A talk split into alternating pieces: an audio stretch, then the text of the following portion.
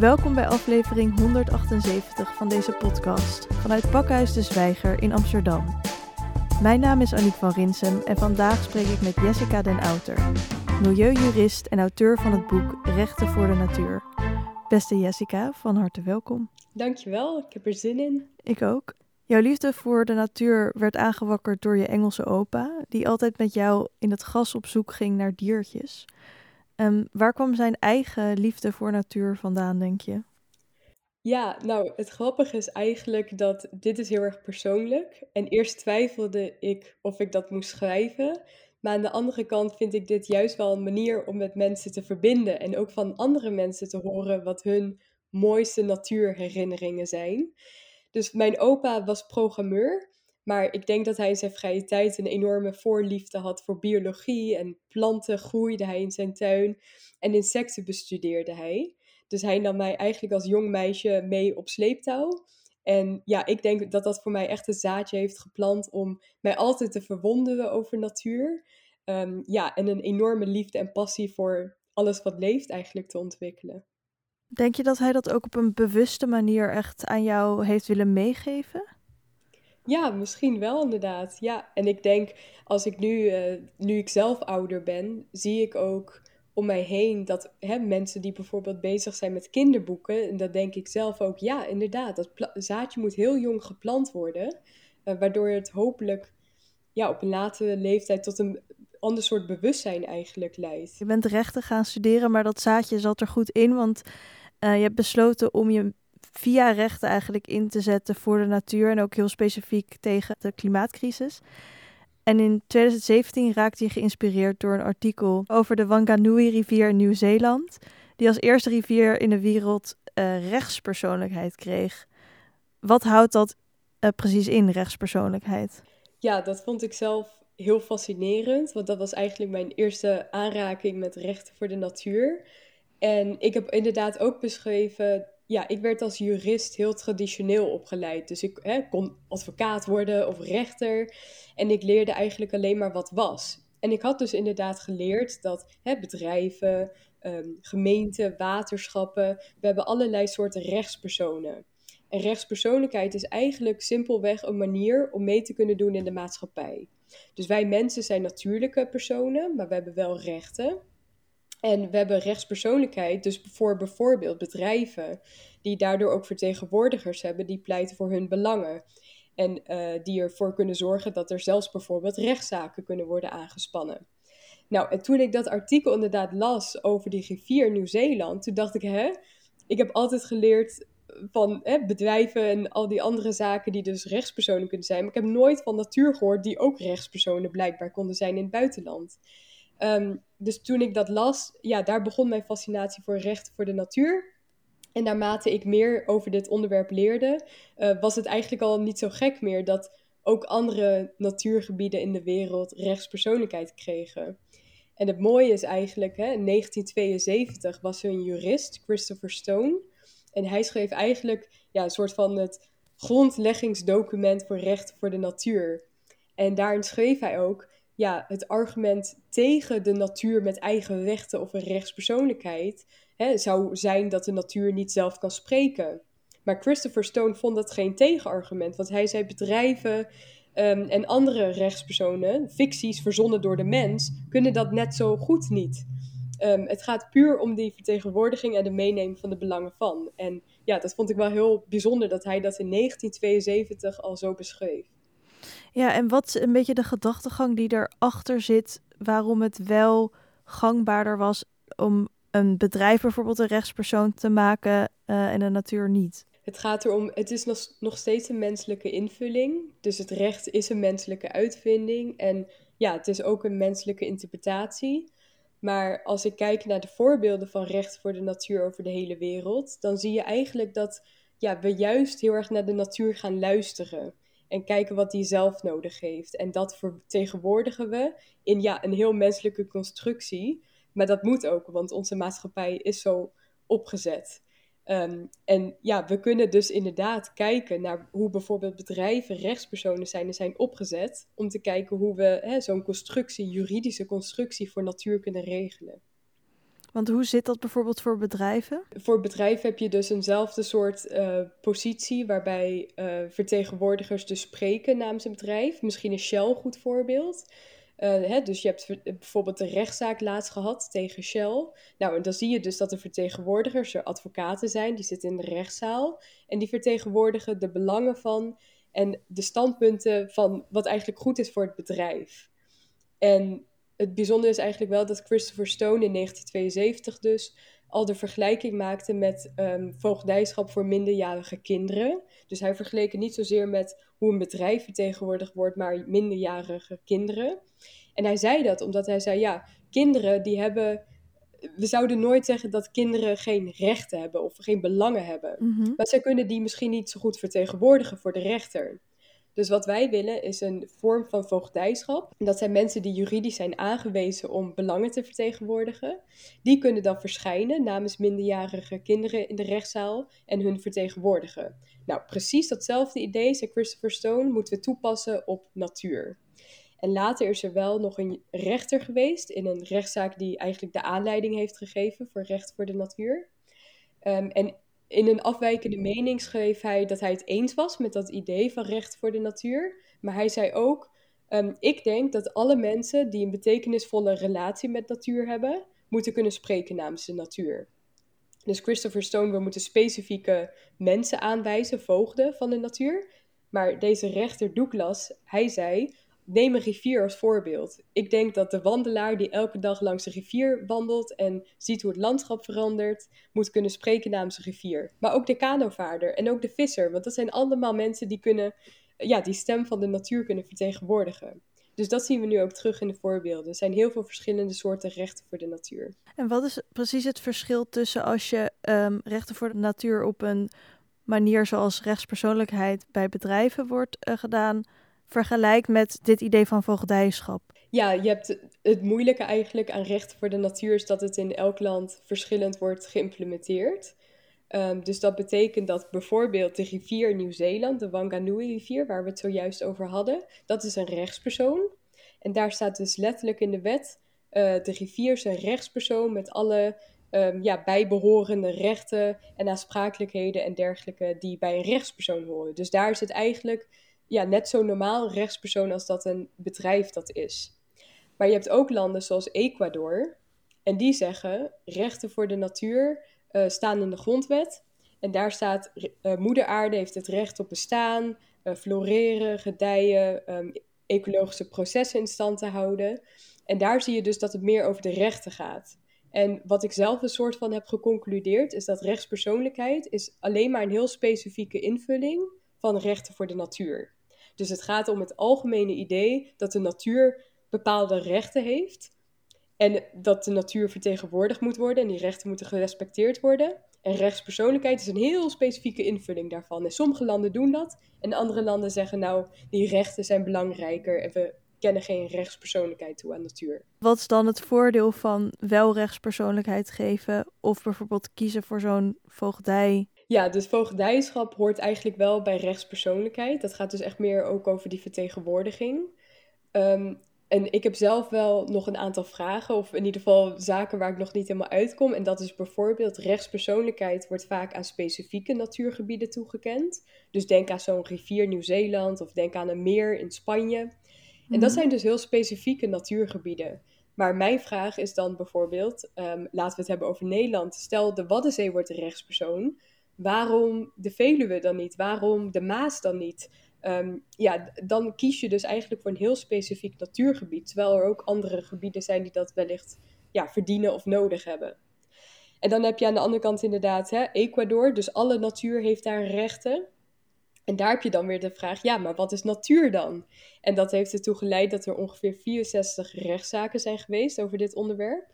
En daar hebben ze dus eigenlijk ja, advocaten gepleit voor rechten van moerassen, rivieren, bergen, wouden.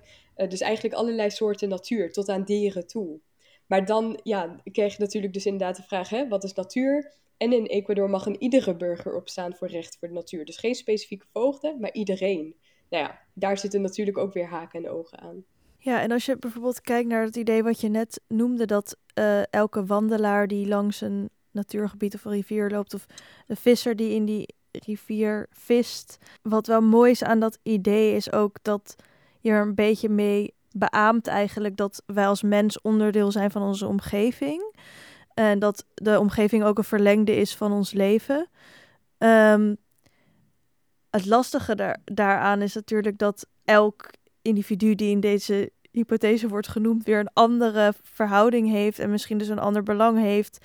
En dus niet per se ook die rivier op zich vertegenwoordigt, maar diens belang bij die rivier. Dus is daar al meer over, uitgebreid over nagedacht? En... Ja, dat is echt een supergoed punt. Ehm, en ook denk ik um, een van de grootste vraagstukken in recht voor de natuur. Hoe zorg je ervoor dat diegene die spreekt namens de natuur dat ook echt doet. En ervoor zorgt dat hij enkel en alleen het belang van de natuur representeert. Is dat iets wat, wat de stroming recht voor de natuur per se moet ambiëren? Zou het erg zijn als dus in zo'n systeem waar alle mensen die zich verhouden tot een bepaalde natuur voor hun belangen in hun verhouding met die natuur zouden opkomen, is dat per se erg? Of, of moeten we inderdaad willen dat we echt voor de natuur opkomen bij gratie van wat die natuur zou willen, hypothetisch gezien? Ik snap je vraag. Um, nee, um, ik denk ja, dat is nodig en dat is wat de Rechten voor de Natuurbeweging ambieert. En dat komt omdat uh, we al meer dan 25, 50 jaar aan milieuwetgeving hebben en het is niet voldoende we zien elke dag dat soorten uitsterven. Um, de gevolgen van klimaatverandering worden telkens erger. En een van de belangrijkste redenen daarvoor, en dit wordt ook beaamd door meerdere milieujuristen, is dat waarden van natuur vaak als zachte waarden worden gezien. Ze moeten worden meegenomen, maar het is lastig en het telt niet zo zwaar. En een heel goed voorbeeld vind ik bijvoorbeeld lozingen bij rivieren. Daar zie je dus de advocaten van de bedrijven die bijvoorbeeld dat soort lozingen doen, die pleiten voor de economische en maatschappelijke belangen. En die leggen daar natuurlijk heel erg de nadruk op. En dan zie je dat waarden zoals natuur en biodiversiteit dus achterop raken. En dat er zaken, dus bijvoorbeeld uh, duizenden kilo's microplastics gedumpt mogen worden in de Maas, zonder dat er iemand opstaat voor de stem van de Maas zelf. Dus keer op keer, en dit is maar één voorbeeld, zien we dat economische belangen het winnen van de natuur. En wat wij zeggen met hè, dat voogdijschap-idee en vertegenwoordigers van de natuur, is je gaat nu mensen aanstellen die enkel en alleen de natuur mogen representeren, dus geen andere belangen. En wat je dan doet, is dat je forceert om wel die zachte waarden, zogeheten, mee te nemen. En te kijken ook, daar geloof ik zelf heel erg in, de wetenschap. Dus bijvoorbeeld in Spanje, eh, daar heeft dus de Mar Menor, dat is een zoutwaterlagune, een soort meer, uh, die heeft eigen rechtspersoonlijkheid gekregen met een vertegenwoordiging. En zij moeten er dus voor zorgen dat die rechten van dat meer gerespecteerd worden en nageleefd worden. En daarvoor kijken ze ook naar de ecologische integriteit. En wetenschappers hebben bijvoorbeeld een heel grote rol gekregen. Die moeten jaarlijks rapporteren wat is de staat van Marmenor, wat heeft het nu nodig, um, herstelmaatregelen dus. En daar geloof ik heel erg in, dat wetenschappers een rol krijgen. Want die kunnen invullen wat de natuur eigenlijk nodig heeft. Hè? Ik zou nooit zeggen als jurist zijnde dat ik dat zou kunnen doen. Maar ik geloof wel in de wetenschap en de mensen die dat wel kunnen doen. En op wat voor structurele manier zou wetenschap hier een plek in kunnen krijgen? Ja, eigenlijk is uh, Spanje wel een uitzonderlijk voorbeeld. Want bijvoorbeeld in Nieuw-Zeeland met die rivier, daar uh, hebben ze een voogdijconstructie van Maori, de lokale inheemse bevolking, en de overheid. Dus die werken samen, zeg maar, om het menselijke gezicht van de rivier te representeren.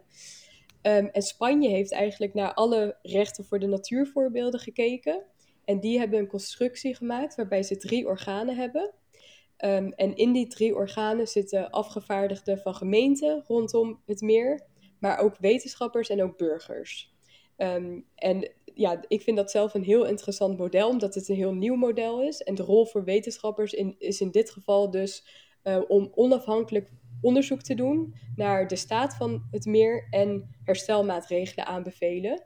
En die kunnen de overige voogden dan implementeren op welke manier kan er ook gewaarborgd worden dat dus als die ambitie is, dat we inderdaad de belangen van de natuur op zichzelf behartigen?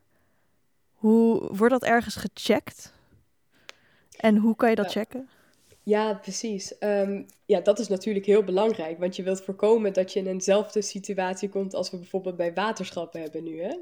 Ehm, dus wat er in principe daarvoor wordt gedaan, en dan kijk ik bijvoorbeeld naar Nieuw-Zeeland, daar hebben ze een heel robuuste juridische constructie opgezet. Uh, bijvoorbeeld voor de rivier. En misschien ook leuk om kort te melden dat de rivier niet de enige rechtspersoon is in Nieuw-Zeeland. Ook een uh, vulkaan en een bos, daar zijn rechtspersonen. Er zijn drie natuurentiteiten die zo'n status hebben. Maar de rivier is eigenlijk het uh, beste voorbeeld, want daar is het dus heel goed voor uitgewerkt. Um, in de wet staat dat uh, twee tot zes vertegenwoordigers van de Maori en de overheid samen dat gezicht vormen van de rivier en haar representeren. En om dat in een soort van checks en balances te houden, hebben ze ook een strategiegroep en een adviesgroep opgezet.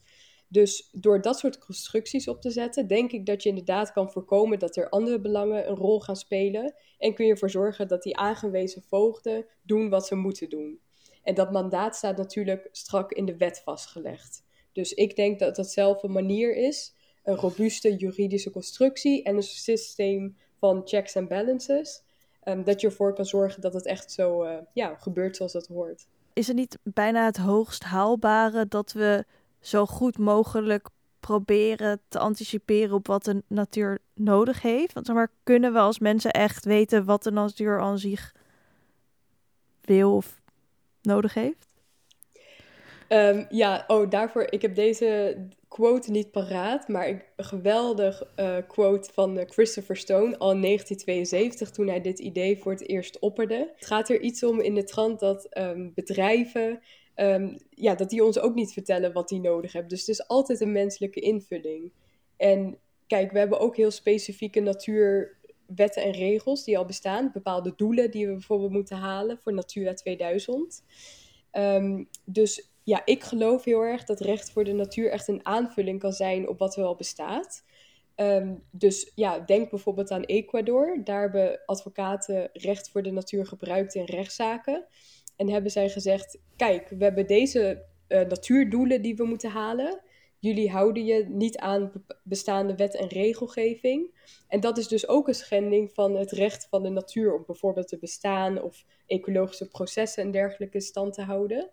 Um, en heel specifiek, in Ecuador hebben ze dus milieueffectrapportages gebruikt. Hè? Dus als er bijvoorbeeld een project wordt uh, gebouwd ergens um, en er wordt geen rekening gehouden met de ecologische uh, effecten daarvan, um, zijn er dus rechtszaken voorgekomen waarin rechten voor de natuur gekoppeld werd aan ja, eigenlijk de wetgeving die voorschrijft dat er al een milieueffectrapportage moet voorkomen. Dus eigenlijk hetzelfde in Nederland. Um, dus zo zul je zien dat recht voor natuur echt een aanvulling vult op. En zoals ik net al zei, geloof ik heel erg in de rol van wetenschap daar ook in. Ja, want rechten, het klinkt als, als rechtvaardigheid, maar het is goed om te beseffen dat ze zijn opgesteld vanuit de mens. En op welke manier ja, zie je terug dat het een menselijk instrument is voor, het, voor de behartiging van de belangen van de mensen die die wetten hebben gemaakt eigenlijk? Ja, ik heb inderdaad beschreven, het recht is een menselijke uitvinding. Um, maar dat zie je terug ook in milieuwetgeving, wat eigenlijk dan weer opgesteld is uh, om het milieu te beschermen. Dus één voorbeeld, wat ik een heel goed voorbeeld vind, is, uh, komt uit uh, 1972. En daar is, in 1972 was eigenlijk het jaar dat er veel meer bewustzijn kwam over grenzen aan de groei, um, hè, klimaatverandering en de, de noodzaak van het beschermen van het milieu. En daarvoor werd een internationale conferentie georganiseerd in Stockholm. En daar kwamen eigenlijk de wereldleiders samen om te praten over hoe kunnen we het milieu nou beter beschermen. En het grappige is, als je het rapport daarvan terugleest en ook de titel van de conferentie, gaat het over het menselijk leefmilieu. Dus nog steeds, uh, hè, ondanks dat ze het erover hadden dat het belangrijk was om het milieu te beschermen, ging het weer over de mens. En de uh, noodzaak om het milieu te beschermen voor de mens, omdat wij erin moeten leven. En dat zie je ook terug bijvoorbeeld in onze grondwet in Nederland. Hè? De overheid heeft een plicht, een zorg om ervoor te zorgen dat uh, het milieu beschermd wordt, maar weer gericht op de mens. Dus het is telkens weer dat mensgerichte denken dat overal terugkomt. En um, wat rechten voor de natuur eigenlijk beoogt, is een ecocentrische benadering. En dat betekent dat je het ecosysteem centraal stelt. Dus vanuit dezelfde redenatie dat een ieder mens mensenrechten heeft, geloven wij dat de natuur ook bepaalde rechten toekomt. En het mooie hiervan vind ik eigenlijk, er zijn natuurlijk mensen die zeggen, wat een bizar idee. Maar dat, zo'n reactie krijgen we altijd als een nieuwe groep rechten krijgt. Dit beschrijft Christopher Stone, eigenlijk een soort godfather van de rechten voor de natuur. Um, die beschrijft dat ook in zijn artikel. En hij zegt, ongetwijfeld gaan mensen denken dat dit een odd, laughable of frightable idee is. Want elke keer dat um, ja, we recht aan een nieuwe groep toekennen, kunnen we ons dat niet voorstellen. Want we hebben het altijd als dingen zonder rechten beschouwd. Dus ooit vonden we het ook onvoorstelbaar dat vrouwen rechten hè, zouden krijgen, bijvoorbeeld om te stemmen. Of um, dat tot slaafgemaakte mensen niet langer eigendom konden zijn van slavenhouders, maar eigen mensen zijn met eigen rechten. En zo zie je dus dat het recht zich altijd ontwikkelt met de normen en waarden die leven in de samenleving. En ja, dit zou de nieuwe golf kunnen zijn van juridische emancipatie voor natuur. Hoe kunnen we dan in ons huidige tijdgevricht inschatten of we ver genoeg gaan in het, in het uh, behartigen van de belangen van die natuur? Ik denk dat het heel simpel af te meten is aan het, um, hè, de doelen die we gaan behalen. En ervoor zorgen dat er bijvoorbeeld ja, gekeken wordt naar wat de natuur echt nodig heeft. En ik denk wat ik daar zelf ook een heel bijzonder voorbeeld van vond, is weer die rivier in Nieuw-Zeeland. Uh, daar heb je dus uh, de minister die ging over hè, het opstellen van die rechtspersoonlijkheid destijds. Die heeft gezegd, um, een journalist vroeg hem, is het geen bizar idee dat jullie nu deze rivier een rechtspersoon maken en dat jullie het als een soort ecosysteem gaan beschouwen? Want in de wet staat, de rivier is een rechtspersoon en de rivier bevat eigenlijk het ontstaan het ontstaanspuntje in de bergen tot aan het uitmondende zee, dus de hele rivier. En toen antwoordde die minister: um, Wat is eigenlijk een absurder idee om de rivier in stukjes op te hakken en te zeggen: Dit stukje is jouw verantwoordelijkheid en dit stukje is de mijne? Of is het logischer om de rivier als een hele holistische entiteit te nemen, gewoon het hele ecosysteem en als één te beschouwen? En dat vond ik zelf een heel ja, spraakmakend voorbeeld eigenlijk, of een manier van denken waarvan ik dacht, ja, het is eigenlijk meer kijken naar wat de natuur zelf nodig heeft, in plaats van weer dat mensgewichten, we willen alles graag in hokjes opdelen. Ja, precies, want um, we hebben als mensen ook de wereld en daarmee ook de natuur georganiseerd rondom het idee van eigendom. Um, hoe werkt dat precies en wat zijn de gevolgen en hoe zou dat anders kunnen? Ja, dat is ook heel interessant. Um, wordt ook vaak aangehaald in recht voor de natuur dat mensen zeggen: ja, we moeten af van het idee van de natuur dat het eigendom kan zijn. En wat ik zelf heel bijzonder vond um, toen ik begon in recht voor de natuur, is ja, ik kwam erin met een juridische insteek, maar ik moest ook naar een stukje filosofie kijken. Want de mens in het Westen vooral heeft zich heel lang opgesteld als nog steeds als een heerser over de natuur. Um, dus een heel ja, een wereldbeeld waarin de mens eigenlijk bovenaan de ladder staat. En dat zie je terug uit um, ja, beweringen van filosofen uit de oudheid. Aristoteles met zijn scala natura, waarbij de mens dicht bovenaan de engelen en God staat. En onderaan de ladder staan de dieren, planten en andere zaken. Ja, religie, dus bijvoorbeeld het ontstaan van het christendom, ondanks dat er wordt gesproken over de schoonheid uh, van de natuur. En uh, ja, eigenlijk dat de mens uh, moet zorgen voor de aarde. Er wordt er ook gezegd dat de mens heerst over alles wat uh, vliegt, kruipt en zwemt. En dan heb je natuurlijk momenten zoals ja, de landbouwrevolutie, de industriële revolutie, waarbij je echt ziet, ja, de mens kan inderdaad de natuur gebruiken voor zijn eigen gewin. Dus dat heb je, dus dat wereldbeeld, en dat vertaalt zich natuurlijk in het rechtssysteem. En als je dus bedenkt, hè, de mens stelt zich op als een heerser, een meester over de natuur, dan past dat idee van eigendom daar ook in. Want met eigendom hebben wij eigenlijk bijna onbeperkte macht over wat van ons is. En um, daarom vergelijken sommige academici en mensen in de rechten voor de natuur dat idee van eigendom van de natuur met tot slaafgemaakte mensen die ook eigendom waren van um, slavenhouders. En nu is dat uh, veranderd. En ja, dat is natuurlijk een manier om er naar te kijken. Um, dus dat is eigenlijk weer terug op dat idee van het recht is altijd in ontwikkeling. Precies. En komt onze huidige interesse om de natuur dus rechten te geven voort uit een verlangen om de natuur rechten te geven? Of komt het alsnog uit een eigen belang voort, omdat we dus inzien dat wij het ook nodig hebben dat de natuur gezond is? Ja, dat is echt inderdaad. Want als je doorberedeneert, denk ik dat je daarop uit zult komen. Hè? Dat uh, inderdaad een gezonde natuur betekent ook gezonde mensen. Maar in het onderzoek uh, wat ik heb gedaan, ik heb dus gekeken naar verschillende landen die dit hebben geïmplementeerd. En er zijn verschillende redenen. Dus um, bijvoorbeeld in India en Bangladesh, waar werd gesproken over recht voor de natuur, kwam het meer uit een soort religieus standpunt. Hè? Dus rivieren bijvoorbeeld zijn um, heilige entiteiten. Maar je hebt ook bijvoorbeeld um, in Nieuw-Zeeland uh, kwamen de rechten voor de natuur meer voort vanuit de Maori en hun wereldbeeld. Dus echt dat inheemse denken en hun cultuur.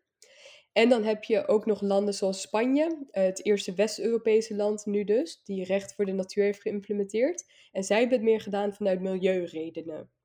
Dus in de wet die uh, rechtspersoonlijkheid geeft aan Marmenor, staat er, ondanks dat we 25 jaar aan uh, wet en regelgeving hebben gehad, heeft het niet kunnen voorkomen dat het meer nu ontzettend vervuild is. En daarom pleiten wij voor een nieuwe juridische aanpak. Dus ja, zo zie je dat elk land eigenlijk zijn eigen redenen heeft om dit nieuwe idee te implementeren. Rechten voor de natuur is de snelst groeiende beweging van de 21ste eeuw. Hoe ziet die beweging er precies uit? Ja, dat vind ik eigenlijk heel erg leuk. Um, want uh, ook hier zijn dus sommige mensen die een vergelijking trekken met andere ja, uh, rechtvaardigheidsbewegingen uit de geschiedenis. En wat mij heel erg opviel aan deze hele beweging, is dat het altijd burgers zijn. Dus het zijn inheemse volkeren in Nieuw-Zeeland, het zijn um, lokale burgers die vervuiling zat zijn in plekken in Amerika. Um, het zijn ook burgers en NGO's in India die um, rechtszaken hebben gestart. Dus de beweging bestaat eigenlijk uit ja, verschillende soorten burgers, maar ook juristen natuurlijk, filosofen. Um, ik zie eigenlijk allerlei soorten mensen voorbij komen. En dat is heel erg mooi, want dat zijn mensen die zich verzamelen om te pleiten voor een nieuwe aanpak.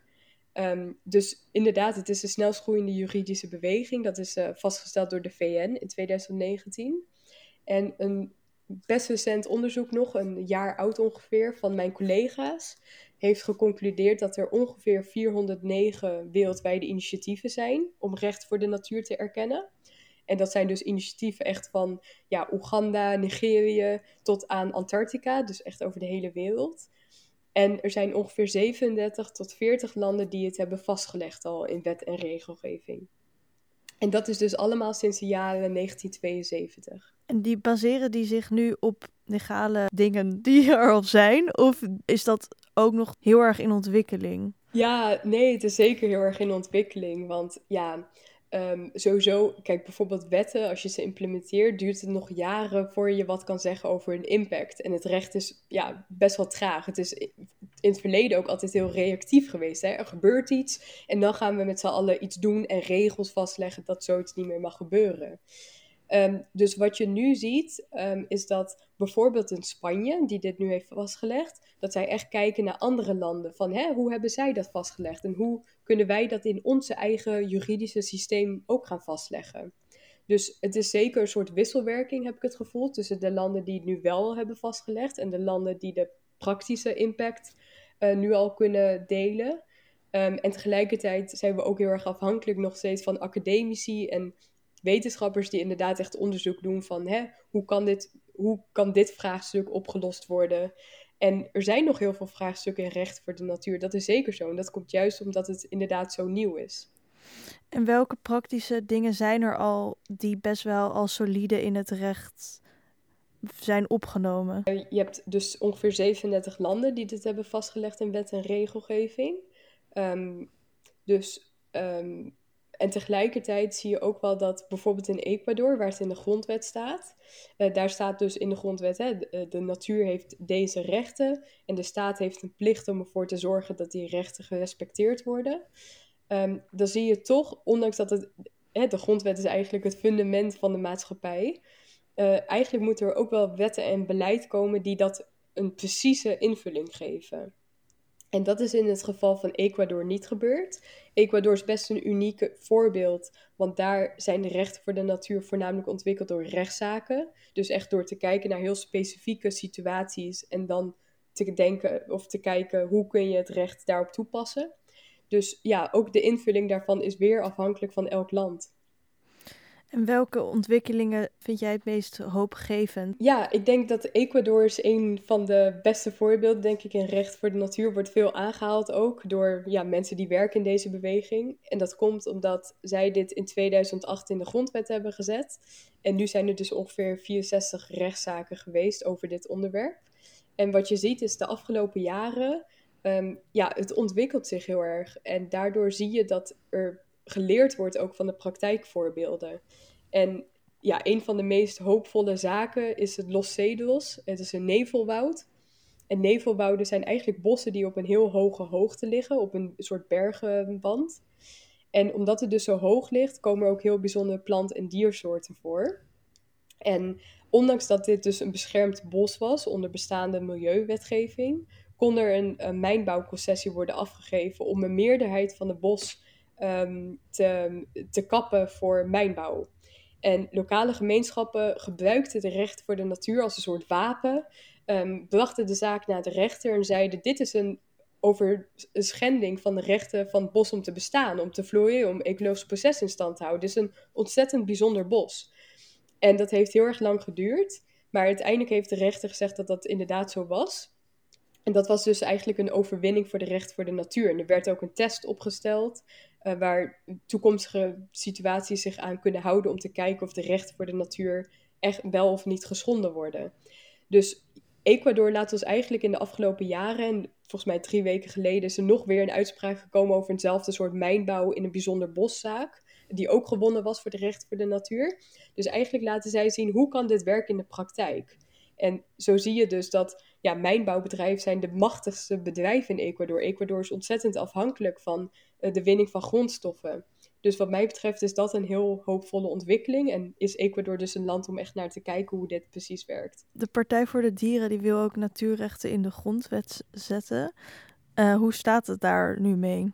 Ja, dat is dus inderdaad heel bijzonder. De politiek wil nu ook uh, rechten voor de natuur in de wet opnemen. Dus je hebt bijvoorbeeld D66, die willen van de Waddenzee een rechtspersoon maken. En daar loopt al langer een campagne voor. Um, dus daar baseren zij zich ook op bijvoorbeeld een rapport van de Waddenacademie, die echt eh, juridisch zeg maar uitzet hoe dat uh, kan. En dan heb je Partij voor de Dieren. En zij zeggen wij willen dit in de grondwet zetten, omdat het zo'n fundamentele ja, overtuiging is dat de natuur rechten moet hebben. En um, dat is ook heel bijzonder, want tot heden is Ecuador het enige land ter wereld die het in de grondwet heeft staan. En er zijn bijvoorbeeld in Chili uh, is een voorstel geweest om recht voor de natuur op te nemen, maar dat is afgewezen, want de hele nieuwe grondwet daar werd afgewezen. Maar nu is Aruba heeft ook bekendgemaakt dat zij een initiatief hebben gestart om recht voor de natuur in de grondwet op te nemen. En zij zeggen, wij worden het tweede land ter wereld um, die dit gaat opnemen in de grondwet. Nou, een Partij voor de Dieren heeft dit nu aangekondigd op mijn boeklancering um, in maart. En ja, dit is natuurlijk een lang proces, vermoed ik. Een grondwet wijzigen doe je niet zomaar. Daar heb je ook twee derde Kamermeerderheid voor nodig. Dus ja, we zullen inderdaad de komende jaren worden heel interessant, denk ik, op dit gebied in Nederland. Wat zou je willen meegeven aan mensen die nu rechten studeren, die geïnteresseerd zijn om zich in te zetten voor rechten voor de natuur? Oh, nou, met die vraag ben ik ook heel erg blij. Want um, ja, ik vind dat jonge mensen zijn de toekomst. En ik heb zelf heel erg gemist in mijn educatie dat ik leerde over dit soort concepten. Dat je ook gewoon je juridische achtergrond bijvoorbeeld kan gebruiken om te pleiten voor verandering. Um, dus ja, gelukkig hoor je wel steeds meer universiteiten en hogescholen in Nederland die nu ook lesgeven over dit onderwerp. Um, dus ja, je kan je op allerlei manieren in verdiepen. Er zijn heel veel boeken, artikelen over geschreven. En ik denk dat mijn belangrijkste boodschap eigenlijk nog wel is dat iedereen wat kan doen. Je hoeft helemaal geen jurist te zijn om hiermee bezig te zijn. En een heel mooi voorbeeld daarvan heb ik beschreven in mijn boek. Dat is uh, Wim Eikelboom. En die hoorde dit hele verhaal van recht voor de natuur. En hij dacht, ja, wat kan ik nou zelf doen om hier een invulling aan te geven? En hij heeft toen namens de rivier de IJssel ingesproken in een gemeenteraadavond waar burgers mochten inspreken. En dat is echt een super mooi gedicht geworden. En het schijnt dat iedereen echt stil was in die zaal. Want iedereen dacht, nog nooit heeft iemand gesproken namens de rivier. En dat is precies eigenlijk de boodschap van recht voor de natuur. Dat anders kijken naar natuur en proberen mee te nemen van die belangen. Dus ja, mijn boodschap is echt altijd: iedereen kan iets doen. Je hoeft zeker geen jurist of politicus of beleidsmaker te zijn. Heel veel dank, Jessica den Outer. Dankjewel. Beste luisteraars, dit was aflevering 178 van de podcastserie van Pakhuis de Zwijger. Wil je meer weten? Kom dan op dinsdag 9 mei om 8 uur naar Rechtszaak in het Park, in Pakhuis de Zwijger. Vind je het leuk wat we doen? Overweeg dan vriend te worden via de zwijger.nl slash word-vriend. Of abonneer je op deze podcast via Spotify, Soundcloud, Apple Podcasts of een ander podcastplatform. Bedankt voor het luisteren en tot de volgende keer.